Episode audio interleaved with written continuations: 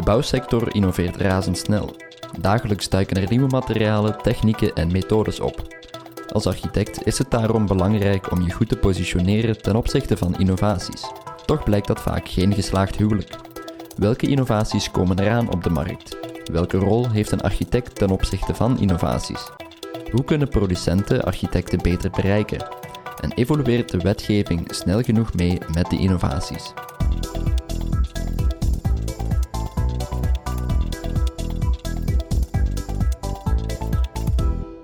Welkom bij de Architectura podcast, waarin we het in deze aflevering hebben over innovatie in de bouwsector en welke rol een architect daarin kan spelen.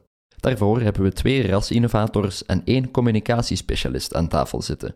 Ze stellen zichzelf even voor. Ik ben eh, Christophe, managing director van All Colors of Communication en Favorite Agencies. Dat uh, zijn twee communicatiebureaus, uh, waarvan eigenlijk een van onze bureaus zich specialiseert in de bouwsector in zijn geheelheid. En vanuit die hoek krijgen wij heel vaak de vraag hoe we architecten kunnen bereiken, vanuit ja, de, de, onze klantenzijde dan. Um, en we merken dat dat niet altijd een evidente is, omdat klanten uh, heel vaak als commercieel worden gezien en dat architecten heel vaak van dat commerciële weg willen blijven. Maar dat wil ook zeggen dat daar heel wat kansen gemist worden, omdat wij heel veel innovatie zien bij heel wat bedrijven rondom ons, maar dat die boodschappen niet altijd op bij een architect komen. En vanuit die hoek uh, ben ik hier ook aanwezig. Oké. Okay. Wouter? Ja, uh, mijn naam is Wouter Martens. Ik ben de oprichter en technisch directeur van Mr. Watts. Wij zijn eigenlijk een uh, softwarebedrijf. Wij, uh, de missie van ons bedrijf is om met behulp van virtual reality technologie of augmented reality technologie eigenlijk de professionele wereld te ondersteunen in hun dagdagelijkse workflow. En dus bedrijfsprocessen of ja, processen die jij in dit geval op een bouwwerf uh, uitvoert, die gaan wij ondersteunen met vernieuwende technologie. Um, ik kan straks zeker ook nog toelichten wat dat, die augmented reality technologie net omvat. Want ik kan me voorstellen dat dat niet voor elke luisteraar uh, al helder is.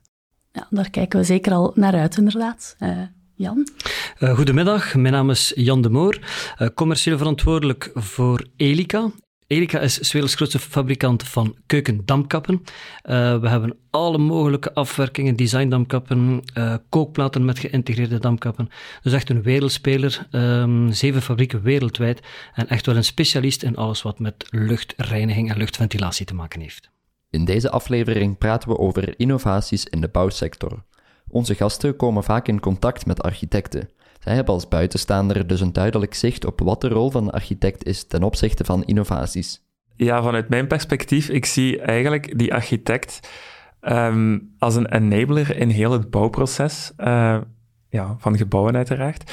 Ik denk uh, dat hij de belangrijkste persoon, hij of zij, de belangrijkste persoon is om ja, vorm, maar ook zeker functie in dat gebouw te steken. En ik denk dat dat laatste uh, steeds belangrijker wordt. Hè. We zitten vandaag uh, in een tijdperk waarin dat alles geconnecteerd wordt, waarin dat heel veel um, gebouwen of toestellen in die gebouwen slim worden. En ik denk dat daar de architect echt een enabler kan zijn, zoals ik zeg, om dat in zijn design mee te nemen en ervoor te zorgen dat ja, een gebouw ja, het beste van zichzelf kan zijn in leefbaarheid, uh, in ecologie, in uh, technologie, in alles wat daar eigenlijk vandaag in kan spelen. Wat betekent een architect voor jullie bij Elica? Ja, vanuit mijn standpunt eh, gaan we dus eigenlijk meer de focus leggen op in, in eerste instantie de, de, de, particulier, dus de particuliere bouwheer, die dus bij het bouwen of renoveren van een nieuwe woning absoluut beroep moet doen om een, een, een, plan van een woning te ontwerpen en waarbij dus ja, de, de, de architect moet bijstaan met raad en daad voor het volledige concept te laten creëren. Zien jullie dat ook zo bij All Colors of Communication? Well, ik, ik, merk vooral dat um, voor de buitenwereld een architect heel vaak als de expert wordt gezien. Waarbij dat de, de eindklant, of dat nu een particulier is of, of iemand die uh, B2B of, of op een andere manier aan het gebruik maakt van die architect, die eigenlijk met al zijn vragen en al zijn antwoorden bij die architect terecht kan. Um, het is een beetje de, dokter geworden, waar dat je bijna van weet van, die weet eigenlijk alles en die gaat hier alles oplossen. Um, terwijl dat iedereen ook wel ergens beseft dat dat bijna onmogelijk is vandaag de dag om nog één persoon te hebben die al die zaken tot zich kan nemen als architect zijn. Of dat nu gaat over het esthetische of, of het bouwtechnische, het, het uh, interieur, uh, tuin, uh, het exterieur, noem het maar op. Het is zo complex geworden. maar toch heerst nog altijd die perceptie van, van die in ene architect is de alwetende goedheid die zijn of haar klant gaat, gaat helpen met raad en daad. Ja, ja, en daar komen al die technologische innovaties ook nog bij, de dag van vandaag. Ja, ik denk, um, als je kijkt naar... Er is best wel veel innovatie geweest hè, in, de, in de bouwsector de afgelopen jaren. Ik vind de BIM-modellen of de BIM-workflow, um, die dat toch wel bekend zal zijn bij, bij alle luisteraars, denk ik, uh, vind ik daar eigenlijk het mooiste voorbeeld van, omdat dat is een technologie die dat, ja, de bouwsector toelaat om ja, gebouwen te plaatsen op een manier zoals ze dat daarvoor niet konden. En ook om de lifecycle van dat project over de volledige duurtijd te gaan ondersteunen. Want een BIM-model dat kan gemaakt worden door een architect om een bouw te plaatsen, maar dat kan afhankelijk van welke metadata, welke andere informatie dat je daaraan verbindt, heeft dat een veel langere levensduur. Dat kan ook gebruikt worden om dat gebouw achteraf te gaan onderhouden, om facility management te gaan doen, om uh, problemen ja, sneller, efficiënter, beter te kunnen oplossen. Dus ik denk dat daar een enorme waarde aan zit. En um, vanuit dat aspect natuurlijk, als je dan naar de rol van de architect kijkt, ja, dan wordt de impact die hij kan hebben daarmee ook veel groter. En want hij is een key stakeholder, naar mijn gevoel, in het construeren van dergelijke BIM-modellen. Um, en welke data dat daar aan gekoppeld kan worden. Um, en afhankelijk van hoe groot of hoe klein dat je dat ziet, kan dat echt een heel grote impact hebben voor alle andere stakeholders en zelfs de mensen die dat in dat gebouw gaan werken, leven of wonen. Ja, dus de architect heeft daar echt een cruciale rol in. Ik vind van wel, ja. Ik vind van wel. En, maar dat is natuurlijk, ik ben ook um, een klein beetje biased op dat vlak, omdat die BIM-modellen is voor ons als, als uh, een softwarebedrijf een zeer interessant gegeven. Dat is natuurlijk een basistechnologie waar dat wij ook verder op kunnen bouwen en verdere innovatie in kunnen bewerkstelligen. Omdat alles natuurlijk digitaal gecapteerd is en gekoppeld wordt aan de echte 3D-modellen van het gebouw. Dus dat is, um, ja, ik denk dat de architect daar een enorme enabler is, zelfs om verdere innovatie te kunnen ondersteunen voor bedrijven zoals Mr. Watts, zoals het onze. Ja. ja, welke technologische innovaties zien jullie nog in de bouw- en architectuursector? En welke vinden jullie de moeite waard? Het, ding is, ik zie heel veel innovatie, maar op, op honderden manieren. Dat kan gaan over modulair bouwen, dat kan gaan over circulair bouwen. Uh, ik denk dat uh, technologie en, en uh, de komst van 5G, maar ik vermoed dat dat ook meer, meer uw winkel is, Wouter. Ja. dat, dat, dat gaat ook een impact hebben. Maar voor mij is innovatie zit in heel veel kleine dingen en ook in, in gemak en in hoe mensen gaan leven.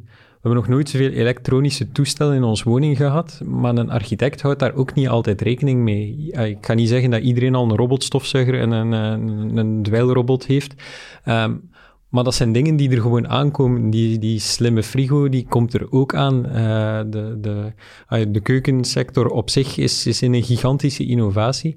En al die kleine dingen hebben een mega impact. En ik vind misschien wel voor in mijn ogen ik heb uh, acht jaar geleden mijn eerste woning gebouwd, drie jaar geleden de tweede. Uh, het grootste verschil is, ik heb mijn domotica-systeem dat ik de eerste keer heb gebouwd, heb ik de tweede keer eruit gegooid. Okay. Omdat er al iets bestaat als Philips Hue en, en al die andere kleine elementen, waardoor dat kostenefficiënter is om gebruik te maken van toestellen die leven op Internet of Things, in de plaats van mijn huis vol te steken met kabels en noem het maar op. Ja. En ik vind dat gewoon absurd hoe snel dat, dat gegaan is, want ik spreek over een periode van vijf jaar, waarbij dat ik eerst een mega investering heb gedaan en een tweede keer eigenlijk gewoon gezegd heb, stik maar heel klassiek alles erin. En zelf dat soort zaken zijn voor mij eigenlijk al een vorm van innovatie, van hoe snel dat gaat en waar dat iemand wel rekening mee moet houden, dat dat al aan het gebeuren is in de wereld rondom ons. Ja, en ik hoor jullie zeggen, de architect is daar niet echt een voorloper in, in die technologische innovatie. Waaraan ligt dat dan volgens jullie? Als ik daar mag op aansluiten, denk ik dat het uh, ook grotendeels te maken heeft met de opdracht die de architect krijgt van de bouwheer. En het is in heel veel gevallen altijd gelinkt aan een kostenplaatje. Dus uh, hoe verder de architect in het proces meegaat, oké, de, de, de, de, onkosten die daarvoor gefactureerd worden, dat de bouwheren sneller zullen zeggen van oké, goed, u mag dit, dit en dit doen, of winddicht de woning opleveren. En de verdere afwerking gaan we dan wel zelf uh, voor, uh, voor ons rekening nemen. Ik denk dat dat een, een mogelijke uitleg is. Ja, dus de architect moet meer in de latere fases van het bouwproces betrokken worden. Nu, ik denk ook wel dat dat een, uh, een spectrum is waar dat die architect zich over kan begeven. Hè, want uh, ja, we spreken natuurlijk over geconnecteerde toestellen, smart fridges en slimme koffiezetapparaten. Mijn persoonlijke mening is dat een architect zo ver niet hoeft te gaan. Ik denk wel dat het belangrijk is dat hij um, kennis uh, en kunde heeft over bijvoorbeeld geconnecteerde HVAC-systemen of luchtreinigingssystemen, omdat die structureel in gebouwen ingebouwd kunnen worden tegenwoordig. Dus dat is wel belangrijk. En dat die inderdaad kan voorzien in de nodige connectiviteit om, zoals Christophe zegt, de modulaire domotica-systemen die vandaag in de markt er zijn, om die daar bovenop te kunnen plaatsen. Dat die connectiviteit gewaarborgd is um, in het design van het gebouw. Maar dat is ook wel, naar mijn gevoel, hoe ver dat ik die architect zie gaan. Ik denk dat um, ja, de verdere inrichting, dat dat misschien een te groot detailniveau gaat zijn uh, om vanuit een architectenperspectief te gaan behelzen. Ik, ik denk, ik volg wat Wouter zegt, van de, architect hoeft niet tot, tot bij het bepalen van de, de frigo of wat dan ook uh, betrokken te zijn. Maar wat je uh, wel al ziet is, als het gaat over warm water, gaan we gaan zoeken naar de, de meest optimale plaats in een gebouw om ervoor te zorgen dat eigenlijk de afstand tussen waar dat het water wordt verwarmd en waar dat het uiteindelijk wordt afgetapt zo kort mogelijk is. En daar gaat een architect in normale gevallen al sowieso rekening mee houden. Ik denk als het gaat over connectiviteit en zo, dat dat ook elementen zijn die stilletjes aan bij een architect moeten op de radar staan vanuit ja, maar waar gaan we eigenlijk die, die punten gaan positioneren? Op welke manier gaan we eigenlijk de woning functioneel vormgeven in functie van wat er al bestaat. Dus hij, moet of zij moet wel tot op zekere hoogte op de hoogte zijn van wat leeft er al en wat kan er al gebeuren, om dan die woning eigenlijk functioneel juist te gaan bouwen. Ik denk dat heel veel mensen vaak tot de conclusie komen na twee, drie of vier jaar dat ze heel wat zaken anders hadden gewild, die konden vermeden worden door in de beginfase soms iets sneller of beter na te denken.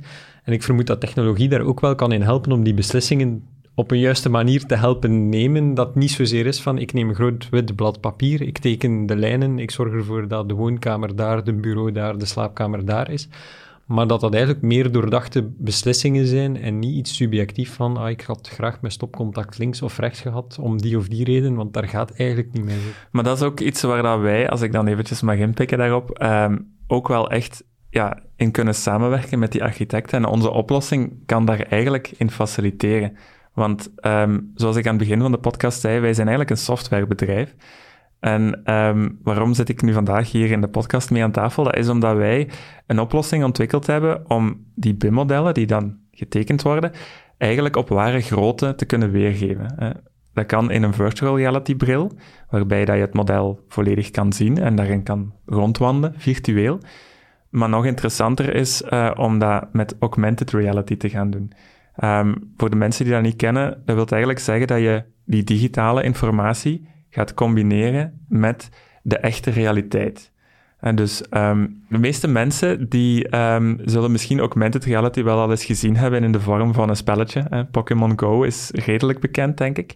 Maar veel mensen weten niet dat vandaag die technologie al vele, vele malen verder gaat. En we hebben brillen waar dat je gewoon door kan kijken. Die zien eruit gelijk een grote skibril, um, maar die wel het vermogen hebben om ja, 3D-beelden op jouw netvlies te projecteren. En waarbij dat het linkeroog en het rechteroog een apart beeld krijgt, zodat je echt in 3D uh, eh, een gevoel krijgt van de digitale content die dat je ziet.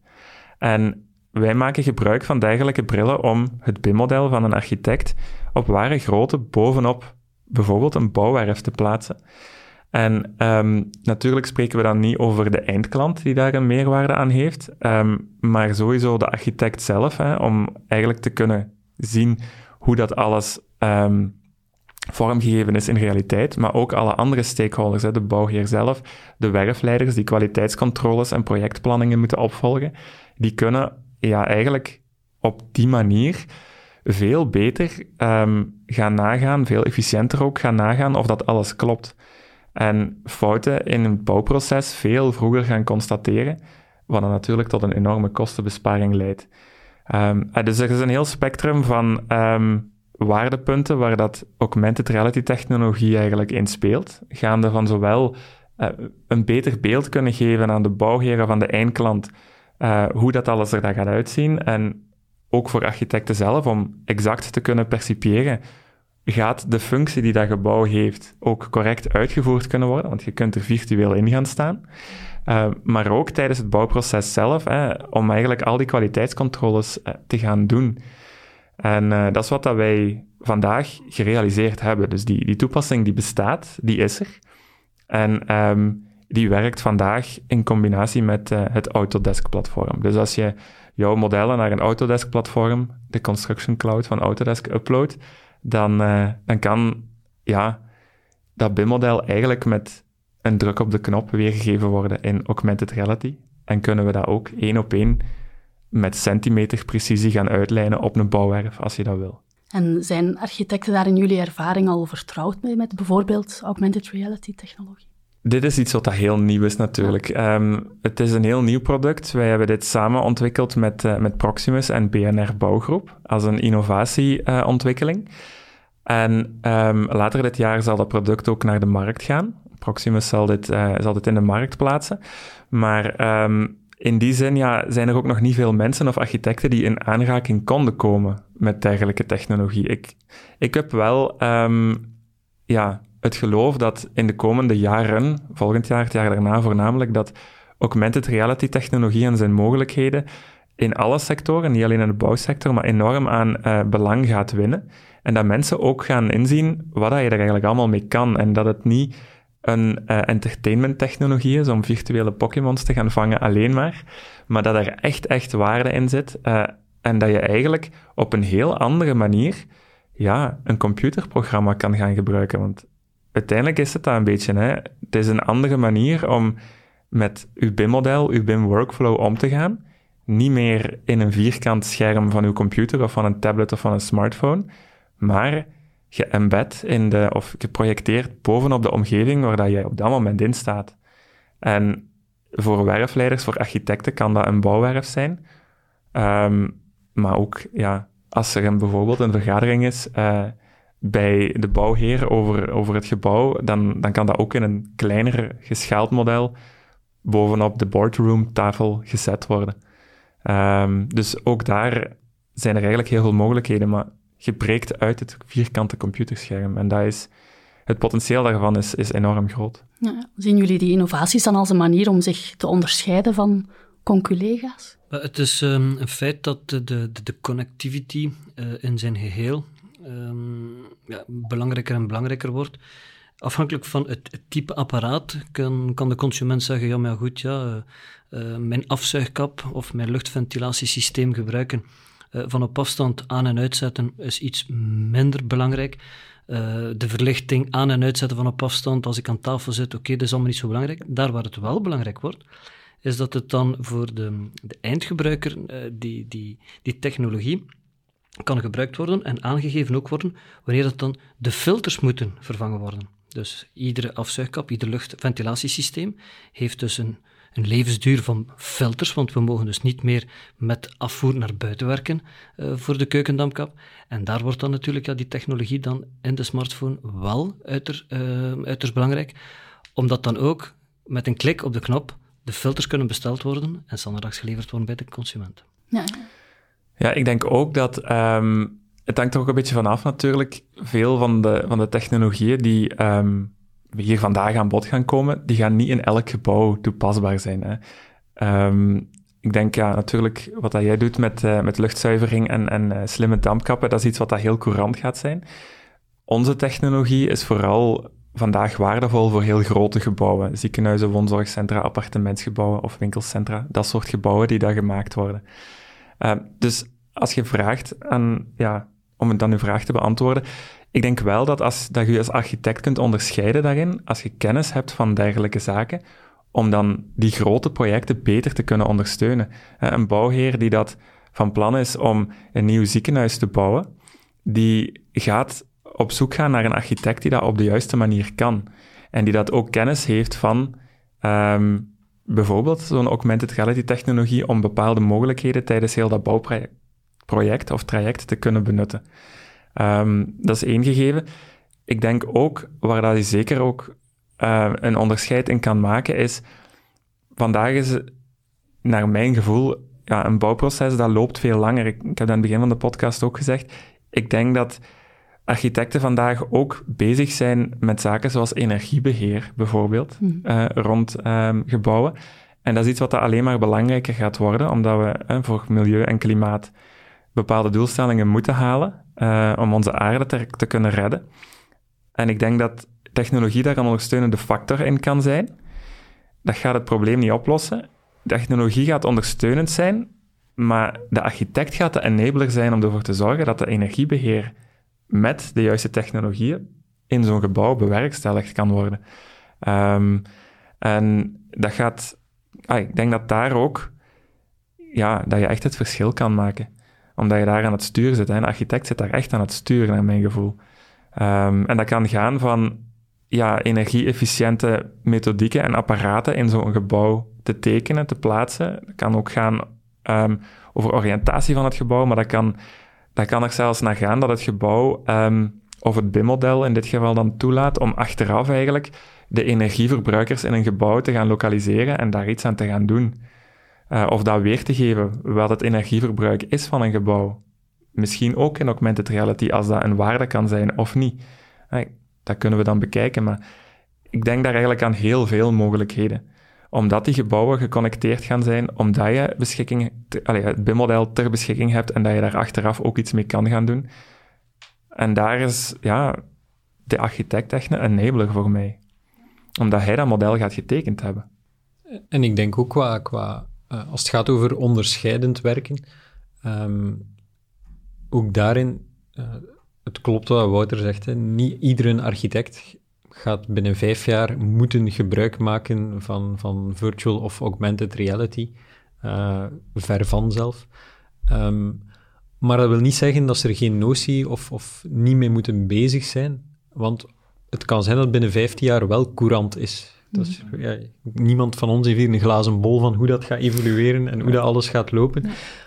Maar vandaar, je moet je wel informeren. En langs de andere kant mag je ook niet vergeten, die consument, die informeert zich ook op allerhande manieren. Ik ga even mijn, mijn vergelijk van daarnet van een architect, soms als dokter. Maar de meeste patiënten komen vandaag ook bij de dokter en die weten al wat ze hebben. De dokter heeft nog niets gezegd, maar Google heeft gezegd dat dat het antwoord is. Ik denk dat je vandaag ook niet mocht onderschatten als architect dat, dat of dat dat nu een, een particulier is of, of, bedrijfsmatig facilitair, dat de mens die voor u zit ook wel geïnformeerd is en soms met meer dingen bezig is dan, dan dat je zelf verwacht. Maar je kunt die rol ook omdraaien. Als, als je een notie hebt van, van hoe dat een, een dampkap kan zorgen voor, voor properdere lucht, of hoe dat augmented reality uh, bouwkosten in de toekomst kan verlagen, ja, dat gaan gebruiken en, en daar zelf over communiceren, kan er net voor zorgen dat of dat één groot project naar u komt, of die particulier zegt van, maar dat is een architect die ik moet hebben, want die is tenminste ook bezig met hoe gaat dat binnenklimaat zijn. Of die, die, want vandaag spreekt iedereen weer over het, de heel simplistische dingen, dat, dat gaat over, even particulier, we moeten allemaal een warmtepomp hebben. Misschien, dat weet ik niet. Waarschijnlijk voor sommige mensen wel, voor sommige mensen niet. Maar dat, dat is een veel complexere vraag dan gewoon morgen zeggen, we moeten allemaal een warmtepomp hebben. Maar daarin wordt die expertise van die architect opeens hyperbelangrijk. En ik kan het bijna zo cru niet zeggen, maar het komt daar wel bijna op neer. Als die een architect pro is, dan gaat die klant dat kopen. En als die een architect niet pro is, dan gaat die klant dat niet kopen. Hmm. En dat is een heel subjectief gegeven, dat eigenlijk een heel gevaarlijk ding is. Waarbij dat, dat een architect ook gebruik kan van maken van, van informatie, of dat dan nu gaat over af en toe eens te praten met mensen uit de sector, of dat dat gaat over zelf Google te raadplegen, of technologisch zich laten ondersteunen op, op programma-niveau, um, om daar zelf een, een eigen verhaal in te brengen en zich te gaan profileren als een architect of architectenbureau met een bepaalde visie. En het is daar dat een eindklant uiteindelijk altijd voor gaat kiezen. Ja, ieder, ja, ik ga niet zeggen dat iedereen uh, een, een, woning kan tekenen, maar ik ga ervan uit dat de meesten die afgestudeerd zijn als architect dan normaal in de vingers moeten hebben. Maar dan gaat het over een heel subjectief gegeven voor die een eindklant ook, naast prijs. Ehm, van ja, waar voelt u het comfortabelste bij? Is dat een stijl? Is dat een visie van een architect? En met visie kan je heel veel verschil maken. Ja, ja dus ja, die architecten informeren over die innovaties is daarin een heel belangrijke. Mhm. Welke rol kunnen jullie daarin spelen als uh, producenten of innovators? Ja, ik denk dat wij ehm, ik zie onszelf als een bedrijf dat heel erg in de speerpunt van innovatie zit, zelfs in de informatica-markt vandaag. Dus ik denk dat wij vooral een inspirerende rol kunnen uh, invullen, waarbij dat we de mogelijkheden van nieuwe technologie kunnen laten zien. En eigenlijk um, architecten of andere stakeholders in het vakgebied enthousiast kunnen krijgen daarover. Ik denk dat dat echt een rol kan zijn die dat wij uh, op ons kunnen nemen, omdat wij, ja, wij komen dan natuurlijk wel vanuit die softwarehoek, maar we hebben die kennis en kunde wel in pacht. Uh, wij zijn de bouwers van die software, dus wij kunnen um, ja, de mogelijkheden daar ook laten zien en, en aantonen. Dus ik denk dat dat een hele belangrijke um, ja, kan zijn voor ons. Wat ik daar ook nog aan wil toevoegen, want dat is iets wat ik uh, daarnet nog wou zeggen, eigenlijk aanvullend aan Christophe. We hebben de hele tijd eigenlijk ook gesproken over ja, dat een architect innovatie naar zijn stakeholders rond hem kan brengen. Maar het is ook belangrijk om te beseffen dat er ook veel technologie ontwikkeld wordt die dat de architect ondersteunt hè. Uh, in zijn dagdagelijkse workflow. Dat is misschien niet waar wij met Mr. Watts vandaag op focussen, maar um, onder andere rond artificiële intelligentie en eigenlijk ondersteunende software om bijvoorbeeld een gebouw te tekenen of bepaalde um, berekeningen te maken in die gebouwen. Dat gaat eigenlijk allemaal veel ja, eenvoudiger, ga ik niet zeggen, maar je gaat daar als architect een enorme ondersteuning in kunnen krijgen. Artificiële intelligentie is een technologietrend die zich overal aan het doorzetten is, in elke sector, in, op heel groot niveau, op heel klein niveau. Mensen gebruiken vandaag de dag allemaal, elke dag, artificiële intelligentie, ook al weten ze dat niet. Um, zoals bijvoorbeeld? Zoals bijvoorbeeld wanneer dat je je iPhone open doet. Hè, um, je iPhone kan uw gezicht herkennen. En um, Face ID leert ook wanneer dat jij uh, bijvoorbeeld als man een baard laat groeien, je gezicht verandert, of je loopt in de zon, je wordt bruiner, je, je uh, tint verandert. Dus iedere keer dat jij een iPhone open doet, dan is dat een artificieel, een artificiële intelligentieprogramma dat um, ja, beeldherkenning doet en jouw gezicht detecteert, maar ook meteen opnieuw leert hoe dat je eruit ziet en zijn eigen eigenlijk constant up-to-date houdt. Um, of eenvoudiger, wanneer dat je Antwerpen binnenrijdt, dan wordt jouw nummerplaat gelezen door de camera's die boven de autostrade hangen. Hmm. Um, dat is ook artificiële intelligentietechnologie. Het voorbeeld waar ik eerder naartoe wil is, als je vandaag Excel gebruikt of um, Google Spreadsheets, dan is dat programma ook al veel slimmer geworden dan een tijd geleden.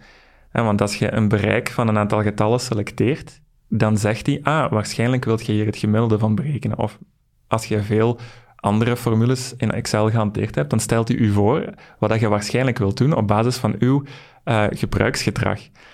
Um, dat soort ondersteunende methodieken gaat in architecturale software ook naar voren komen. Ja. En wanneer dat jij gebouwen gaat ontwerpen, dan gaat een artificiële intelligentie-algoritme automatisch ondersteuning kunnen bieden naar ja, of dat bijvoorbeeld een bepaalde hellingshoek van een heel mooi allez, schuin gedesigned gebouw bijvoorbeeld, of dat dat wel een realistisch gegeven is, of dat je daar niet mee uh, ja, instabiliteitsproblemen kan komen. Omdat die op de achtergrond automatisch een bepaalde interpretatie gaat kunnen doen en daar ja, een waarschuwingssignaal rond kan geven. Dat zijn allemaal ja. technologie, technieken die daar zeker niet ondenkbaar zijn en die vandaag in software ingebouwd worden.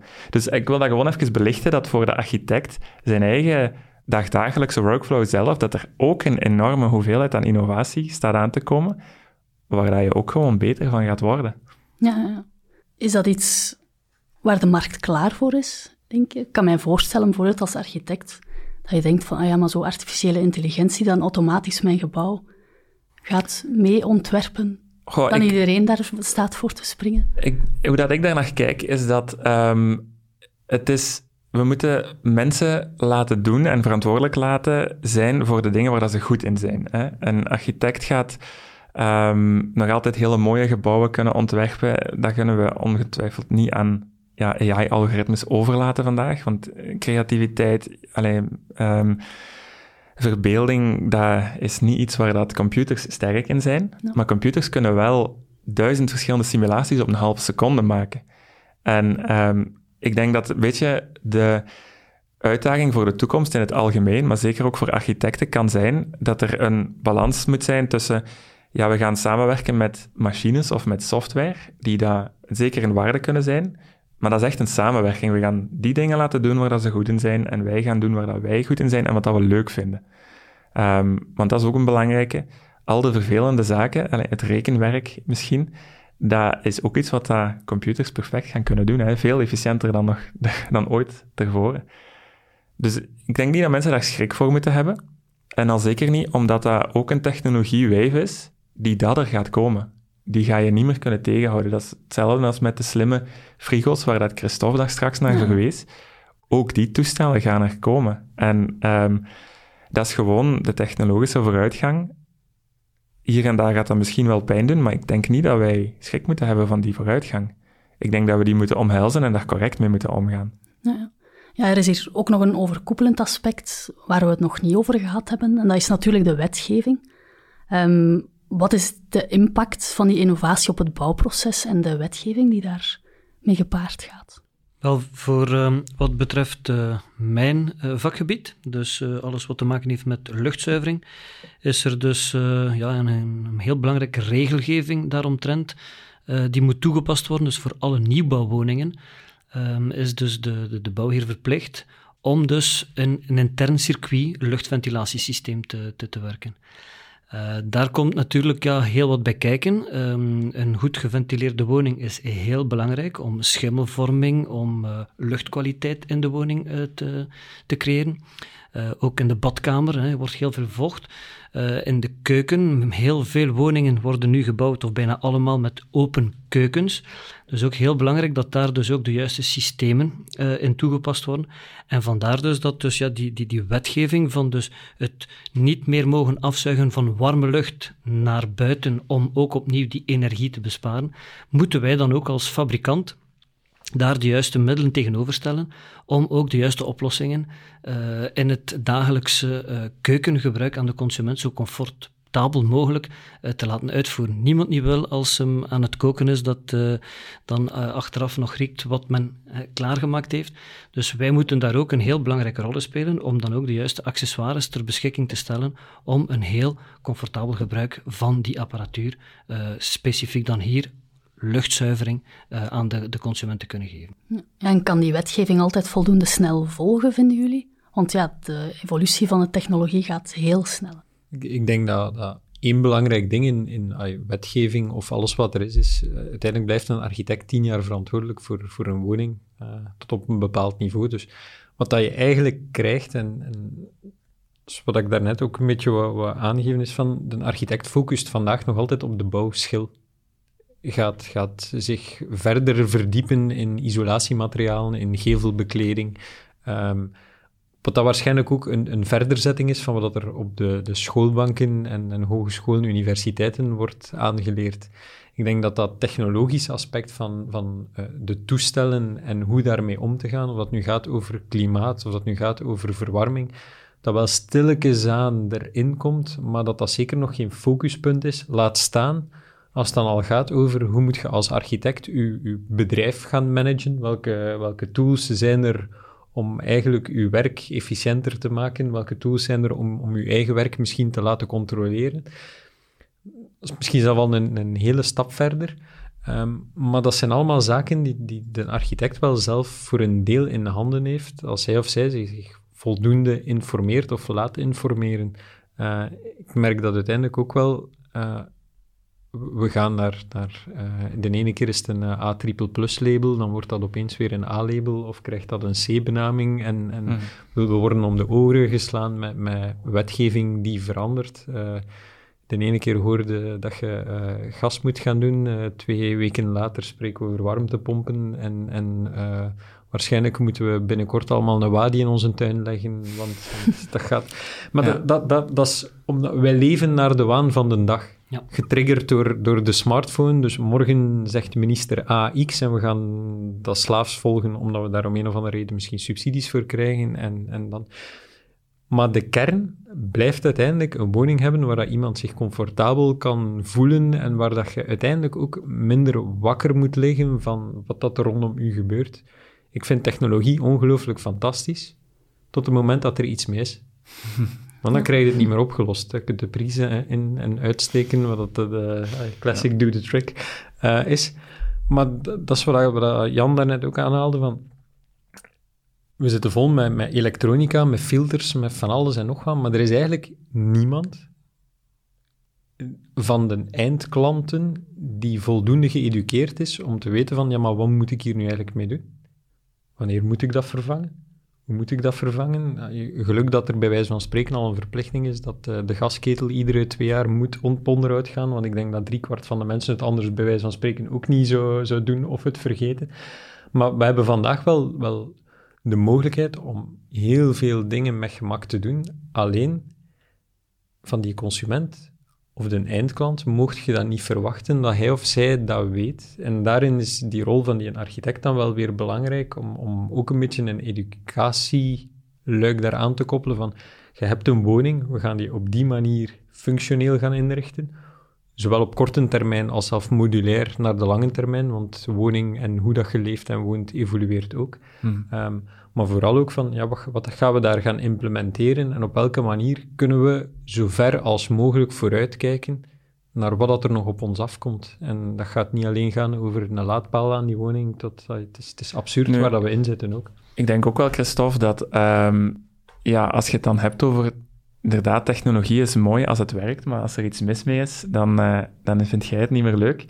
Ehm, ik denk dat vandaag ook meer dan ooit die slimme apparaten zelf wel meer in staat zijn om te rapporteren wanneer dat er een probleem is en dat ook Mm. aan te geven. Hè. Dus zo- zodanig dat mensen daar eigenlijk ontzorgd worden. Natuurlijk moeten ze er wel even naar kijken als dat ding een signaal geeft van oké, er is hier iets mis. Ehm, maar ze moeten in principe eigenlijk niet meer weten wanneer dat hun eh, verwarmingsketel, om dat voorbeeld even verder te zetten, ja, aan een onderhoud toe is, omdat hij dat zelf komt vertellen.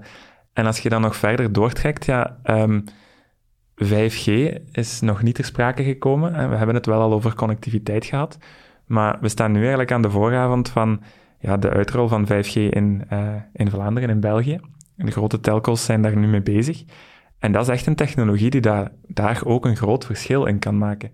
Hè, waar dat je nu veel slimme apparaten hebt die daar op de wifi van mensen thuis gezet wordt, of eh, de internetverbinding die daar voorhanden is, gaat dat in de toekomst niet meer per se nodig zijn. Omdat 5G is niet alleen een veel snellere netwerktechnologie, die is ook veel flexibeler en veel ehm, meer getarget inzet, of ja, targeted inzetbaar door bedrijven. En bijvoorbeeld ehm, met de luchtzuiveringsinstallaties of de dampkap. Jullie zouden elke dampkap van een 5G-chip kunnen voorzien, die ehm, eigenlijk op een eigen netwerk zitten. En je moet dat echt voorstellen als een groot wifi-netwerk, wat dat over heel België gaat. Maar dat is jullie netwerk. Dat is, geen, dat is niet het publieke netwerk van Proximus. Dat heet in ja, de terminologie een network slice. Dus dat is een klein stukje van eh, de publieke 5G-antennes, waar dat al die dampkappen dan in dit voorbeeld op kunnen zitten. Waar dat jullie eigenlijk een eigen netwerk van dampkappen hebben. En dat jullie die toestellen die geconnecteerd zijn ook perfect kunnen opvolgen. Zodanig dat je, als er een probleem is, eigenlijk dat probleem nog bijna kunt oplossen nog voordat het zich manifesteert. Of dat je aan ehm, ja, predictive maintenance kunt gaan doen. Hè? Dat de kans reëel wordt dat er een filter ehm, verstopt gaat geraken, ik zeg maar iets. Of dat er een ander probleem gaat optreden, maar dat je dat kan voorkomen. Omdat dat toestel dat al heeft aangegeven dat er waarschijnlijk een probleem gaat ontstaan. En dat zijn, misschien om dan even terug te komen op eh, de architecten, dat zijn wel ook dingen die heel interessant zijn, lijkt mij, om als architect te weten. Omdat dan ontzorgt je je eindgebruiker nog meer. Hè? Er is zelfs geen nood meer om ehm, ja, een goede wifi-connectiviteit te voorzien. Want vandaag, als de wifi in iemand zijn huis plat ligt, dan zijn al die slimme toestellen ook niks meer waard. Ehm, maar natuurlijk, wanneer dat je ja, een toestel maakt wat dat gewoon werkt, gelijk dat Apple dat altijd doet, hè, it just works. Je haalt dat uit de doos, je installeert dat en dat is geconnecteerd out of the box. Je hoeft daar eigenlijk niks meer voor te doen. Dat heeft gewoon zijn eigen verbinding naar het bedrijf, wat dat die dampkap in dit geval levert. Ja, daar zitten enorme mogelijkheden in. Dus um, ik zie daar ook wel, ja, ik zie daar echt heel veel potentieel om dat veel vlotter te gaan laten verlopen in de toekomst. En binnen um, welke gaat dat doorbreken, denkt u? A5G, de uitrol, is nu bezig. hè? Wij zijn... Dus de werkelijke, het operationele bij, ja. bij de mensen thuis? De, als je vandaag naar de website van Proximus of Orange, dat zijn eigenlijk de twee grootste telcos in België die vandaag met 5G-uitrol bezig zijn, uh, als je daar naar surft, dan kun je een landkaart te zien krijgen waar dat de coverage vandaag al op staat. En dus uh, zeer grote delen van Antwerpen, van Vlaams-Brabant, van Limburg, uh, Vlaanderen is redelijk goed al gecoverd. Mhm. Daar is vandaag al 5G coverage, dus die is vandaag beschikbaar. Proximus is daar een echte voorloper, heeft het grootste netwerk vandaag. Um, om, om, ja, ze zijn daar enorme investeringen aan doen om dat uit te rollen. Um, dat, is, ja, dat is voor ons, maar voor elk bedrijf eigenlijk een heel belangrijk gegeven. Voor ons als softwareontwikkelaar, omdat die connectiviteit ons mogelijkheden biedt die we daarvoor niet hadden. Onze toepassing, waar ik daar straks over vertelde, die gebruikt een 5G-connectiviteit om die grote BIM-modellen in al hun glorie, want die zijn heel groot, heel zwaar, heel gedetailleerd, om die ja, zo precies als mogelijk te kunnen weergeven op die bouwwerf. Wij hebben daar een hele goede en een hele snelle verbinding over nodig. Dat is die 5G-verbinding. Want al dat rekenwerk, dat gebeurt niet op uw slimme bril. Dat gebeurt op een datacenter in de cloud. Uh, en dus is die connectie heel belangrijk. Maar evenzeer voor jullie business met de, luchtzuivering is 5G een echte enabler. Niet per se voor die, snelle, die snelheid en die lage latency die dat wij benutten, maar wel door het feit dat jij een privaat netwerk kan hebben, geschaald over heel België. Want dat is iets wat met, met 4G bijvoorbeeld niet kan. Um, enfin, dat kan wel, maar dat is veel kostelijker. Um, ehm, 5G is ja, veel flexibeler om dat soort dingen te gaan aanbieden. Dus jij kan als bedrijf eigenlijk een contract afnemen bij je telco om te zeggen van ik wil een netwerkslice, ik wil een stukje van een netwerk waar ik mijn eigen regels in kan bepalen, waar ik mijn eigen veiligheidsstandaarden in kan zetten en waar ik al mijn geconnecteerde toestellen of dat nu dampkappen of warmtepompen of andere HVAC-installaties of slimme dingen die in een gebouwencontext belangrijk zijn, spelen. Je kunt die ja, in je eigen netwerk gaan beheren. En dat is um, daarom dat dat ook zo belangrijk is dat onze overheid, vind ik, daar wel de juiste beslissing neemt en, en die initiatieven nu ondersteunt. Um, om een voorbeeld te geven, de Vlaamse regering heeft uh, recentelijk nog een uh, subsidiepakket afgekondigd van 24 miljoen euro om alleen 5G-initiatieven te ondersteunen. Om eigenlijk die markt zuurstof te geven en ervoor te zorgen dat ja, daar nieuwe innovaties bovenop kunnen ontstaan. Ja. Um, en ik denk dat dat, ja, dat zijn absoluut allemaal van die dingen waar dat, om dan even terug te komen opnieuw, waar de architecten naar mijn gevoel wel ook ja, misschien echt een voordeel uit kunnen halen, uh, competitief kunnen zijn zelf in de markt, als ze daar kennis van hebben. Ja, ja ik hoor uh, jullie inderdaad vaak zeggen dat architecten daar een belangrijke rol in te spelen hebben en die innovaties naar de bouwsector brengen. Is het voor jullie moeilijk of makkelijk om hen te bereiken met jullie verhaal? Staan zij daarvoor open, vinden jullie? Het hangt er een beetje vanaf. Eh, voor um, mijn specifieke activiteit is het natuurlijk um, niet onmiddellijk de core business van de, van de architect om met de, dampkap van uh, de, de toekomstige keuken bezig te zijn. Het is wel belangrijk um, dat de architect weet wat de specifieke wensen van de eindgebruiker zullen zijn. Een dampkap de dag van vandaag is ofwel volledig uh, weggewerkt in het vast plafond, ofwel moet het heel zichtbaar aanwezig zijn, ofwel wordt de dampkap geïntegreerd in het werkblad in het kookfornuis. Dat zijn dus eigenlijk de drie grote oplossingen. Natuurlijk, ja, die drie oplossingen die vragen een specifieke inrichting, verwerking in het gebouw. Dus daar is het toch wel belangrijk dat de architect toch ook al uh, kan aangeven naar de toekomstige uh, gebruiker van oké, voor welke optie gaan we, dat jij ook zijn ontwerp daar kan op afstemmen. Dus ik denk dat het heel belangrijk is dat uh, architecten zich continu blijven ook informeren, deelnemen aan alle mogelijke uh, beurzen, vakbeurzen, uh, specifiek evenementen die georganiseerd worden om eigenlijk ja, bij te zijn met alles wat rijdt en zeilt in de markt. En niet alleen over uh, damkappen, maar over alles wat dus te maken heeft met de inrichting van, van een woning of een gebouw. Ja. want Christophe, ik hoorde nu in het begin van de podcast zeggen dat jullie van klanten horen dat ze die groep van architecten niet zo gemakkelijk kunnen bereiken. Het, het blijven, uh, voor hen blijven dit altijd commerciële verhalen. Hè. Dat is, dat is, zij zien, uh, bij wijze van spreken, Jan over de vloer komen en ze denken al direct, die komt mij iets verkopen. Uh, ze gaan hm. Wouter over de vloer zien kopen, komen en ze gaan datzelfde gevoel hebben van, die komt mij iets verkopen. Zelf al zou dat de intentie zijn, dan nog is het soms niet oninteressant om gewoon eens te zeggen, ik ga eens luisteren wat dat er op ons afkomt.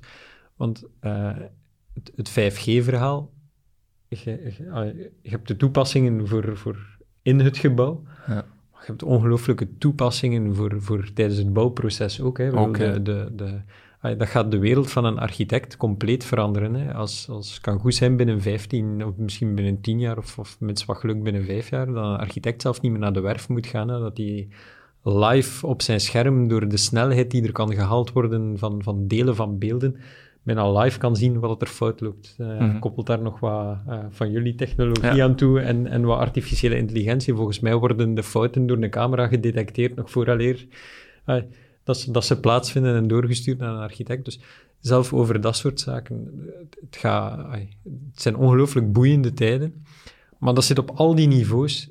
En, en ik denk dat architecten soms eens gewoon voor zichzelf moeten gaan denken van, wat als ik morgen zelf zou bouwen en waar zou ik mee bezig zijn? Want er zijn zoveel mogelijkheden. En, en ik hoor het Jan heel graag zeggen van, ja, het gaat over uh, in, in het eiland verwerkt, of we gaan tegen een plafond hangen, of die damkap gaat zichtbaar zijn. Maar daarin heb je dan nog een keer 37 keuzes. En dat voor elk toestel en, en elke keuze die je vandaag moet maken, waarbij dat alles u om de oren wordt geslingerd. En dan zijn je soms tevreden dat er iemand aan de andere kant zit die even een luisterend oor wil zijn. En vandaag laten we dat heel vaak over. Ik ga even heel extreem gaan, maar uh, sommigen laten dat over aan, aan IKEA. En ik heb niks tegen IKEA, wil verre van. Um, maar ja, dat zijn uw keuzes van uw toestel die je op die moment ook gewoon uit handen geeft. Mhm. En die kunnen perfect de job doen, dat is, dat is, daar gaat het niet over. Maar sommige zaken hebben een bepaalde impact over hoe dat je je woning gaat gaan inrichten. En ik denk als je als architect je niet op voldoende laat informeren of niet op de hoogte bent van wat er aan het gebeuren is qua ontwikkeling, dat je om de duur op de basis geen antwoord meer gaat geven. Je gaat nog altijd een perfect plan kunnen tekenen en de ruimtes verdelen. Maar of dat, dat dan nog functioneel is naar de noden van de consument of, of van het, het, bedrijf of, of het mhm. ziekenhuis van de toekomst, dat is een heel groot vraagteken. En ik denk dat dat een van de... Het is natuurlijk in zijn absurden, uh, maar koop vandaag een woning van, van uh, jaren 80, misschien zelfs al jaren 90. Je mag het bijna compleet gaan strippen. En dat wil niet zeggen dat die woning niet, niet kwalitatief gebouwd is. Integendeel, ik denk zelfs dat sommige woningen van die een tijd kwalitatiever zijn gebouwd qua, qua uh, sterkte en stabiliteit dan woningen vandaag soms. Maar het gaat dan over alles van wat dat wij vandaag gewoon zijn qua luxe en, en manier waarop dat wij leven, wonen, werken, noem het maar op, is zo hard geëvolueerd dat dat eigenlijk eerder een, een ja, het zijn bijna luxe aanpassingen dat we moeten doen. Uh, maar je moet er wel constant mee zijn. Maar daarom is die modulariteit ook zo belangrijk. En dan zitten we inderdaad helemaal terug, want je kunt uh, geen modulariteit toepassen in al uw uh, ecologiedoelen of al je technologiedoelen in een gebouw als de architect daar geen rekening mee heeft gehouden. Mm. Uh, dat zo'n dingen kunnen. Dus ja, ik denk dat dat... Um... En dat is, dat is een van de moeilijkheden van... Uh, als, als het gaat over wetgeving en zo, waar ik vaak zo het gevoel heb van wetgeving is nogal redelijk zwart-wit. En ik snap natuurlijk, je moet een bepaalde... je moet altijd een timeframe hebben om bepaalde dingen te doen. Maar ik heb mij altijd afgevraagd, oké, iedereen bouwt een nieuwbouw en, en Um, uh, of doe een heel grondige renovatie en dan moet je je aan bepaalde dingen houden, sowieso. Maar het energieverbruik van een woning of van een facilitair gebouw, noem het maar op, ik durf dat niet zwart op wit zetten op voorhand. Vooraleer dat daar iemand in woont, vooraleer dat daar iemand in, in hmm. kookt, vooraleer dat daar iemand in leeft, want dat hangt... het, het, het basisverbruik. Zonder dat daar iemand is, dat kun je redelijk snel met een, met een Excel of op een andere manier berekenen. je, weet welke toestellen dat je hebt, wat dat je verbruik is geduwd. Je stopt alles constant in, je zet al je lichten constant aan en je weet worst case scenario. Maar wetgeving is zo van, ja, u, jij trekt in uw woning of na twee jaar is uw renovatie afgelopen en dat moet aan A, B, C en D voldoen. Terwijl dat de modellen die vandaag ontwikkeld worden, gans dat BIM-platform, uh, de ontwikkeling van, van toestellen, en iedereen heeft daar de bak geld staan om dat per direct te gaan doen. Ik denk dat sommige processen soms ook moeten uitgespreid worden over de tijd, om te zeggen van kijk, we zitten vandaag op, op punt A, en binnen vijf jaar gaan we naar punt B, en binnen tien jaar zitten we op punt C, maar dat alles wat er ligt, van plan tot opvolging tot integratie van toestellen, gewoon die flow volgt. En dan, dan waarom zou je in je eerste jaar uh, of, op jaar nul al zonnepanelen op je dak leggen, als je toch niet weet voor welk verbruik dat ze moeten staan? Waarom zouden ze oriënteren naar links of naar rechts, als je, als je niet mhm. weet wanneer dat jij achter je computer gaat zitten of gaat koken? Of, of... Er zijn 101 ja, subjectieve gegevens waarbij dat, dat je eigenlijk moet een goede berekening hebben, waarbij dat je een, een, model moet hebben en kunt weten van, kijk, ik ga dat op die manier invullen. En dat wordt een supermodulair verhaal dat constant moet gemonitord worden. En ik denk hm. dat dat bijna het belangrijkste gaat worden naar de toekomst van hoe dat wij wonen en leven, gaat eerder gaan in, in hoe... Ja, er is een ruimte. En hoe dat we die invullen of hoe dat we daar gebruik van gaan maken, dat gaan we eigenlijk door, door data mee laten analyseren en aanpassen. En, en in functie daarvan denk ik dat we ook de grootste win gaan hebben vanuit individueel niveau op, op uh, energie, op uh, watergebruik, op noem het maar op. Afsluiten doen we naar goede gewoonte met een goede raad. In deze aflevering vragen we aan onze gasten een gouden tip voor architecten om zich beter te positioneren ten opzichte van innovaties. Um, oh, dat, vind ik, dat vond ik een moeilijke vraag. Uh, ik denk, um, ja, mijn, belangrijkste advies is om, um, wat ik daar straks al zei, geen schik te hebben van die technologie, om uh, nieuwsgierig te zijn, nieuwsgierig te blijven en uh, die te omhelzen. En inderdaad, echt eens binnen te treden, in ons geval dan, uh, in die wereld van bijvoorbeeld augmented reality of virtual reality, want ik ben er zeker van dat je ja, achterover valt van de mogelijkheden en de opportuniteiten die je daarin gaat zien. Oké, okay, Christophe?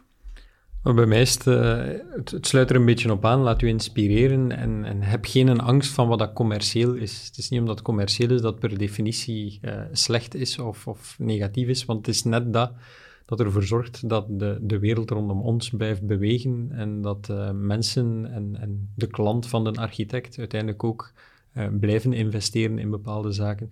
En ik denk als ze van dat voetstuk durven afstappen, dat er ook een ganse wereld voor hen gaat opengaan. Ja, ik zou eigenlijk ook uh, daar willen op aansluiten van uh, om in de connectivity, waar we het al uh, uitgebreid over gehad hebben, ehm, tot de architect zeggen van stay connect. tot alles en nog wat, alle mogelijke informatie die er voorhanden is, blijf alles goed opvolgen. luister ook goed naar de specifieke wensen van de klant, want niet onderschatten. De bouwheren of bouwvrouwen de dag van vandaag weten precies in welke richting zij gaan. Um, en ik denk dat een architect uh, heel goed moet luisteren wat de specifieke wensen van de mensen zullen, zullen zijn. En het is niet omdat we iets al tien jaar uh, doen dat het vandaag de dag nog altijd goed is. Dus ja, de, de evolutie is er, technologie is er. Uh, de mens moet zich daar blijven aan aanpassen. En architecten samen met fabrikanten, samen met alle betrokken partijen, moeten geconnecteerd blijven aan alle informatie die er voorhanden is. Eensgezinde gasten en duidelijke tips dus voor de architecten. Hopelijk heeft u wat geleerd van deze podcast. Bedankt aan onze gasten Christophe de Roek, Jan de Moor en Wouter Martens. Lisbeth Verroost was de host en mijn naam is Stef Pennemans. Ik sta in voor de productie van deze podcast. Ten slotte bedanken we nog All Colors of Communication voor het mede mogelijk maken van deze aflevering. Vond je deze podcast boeiend? Luister dan zeker ook naar onze andere afleveringen, zoals Is Hoogbouw de weg naar stadsverdichting? Bedankt voor het luisteren en tot horens.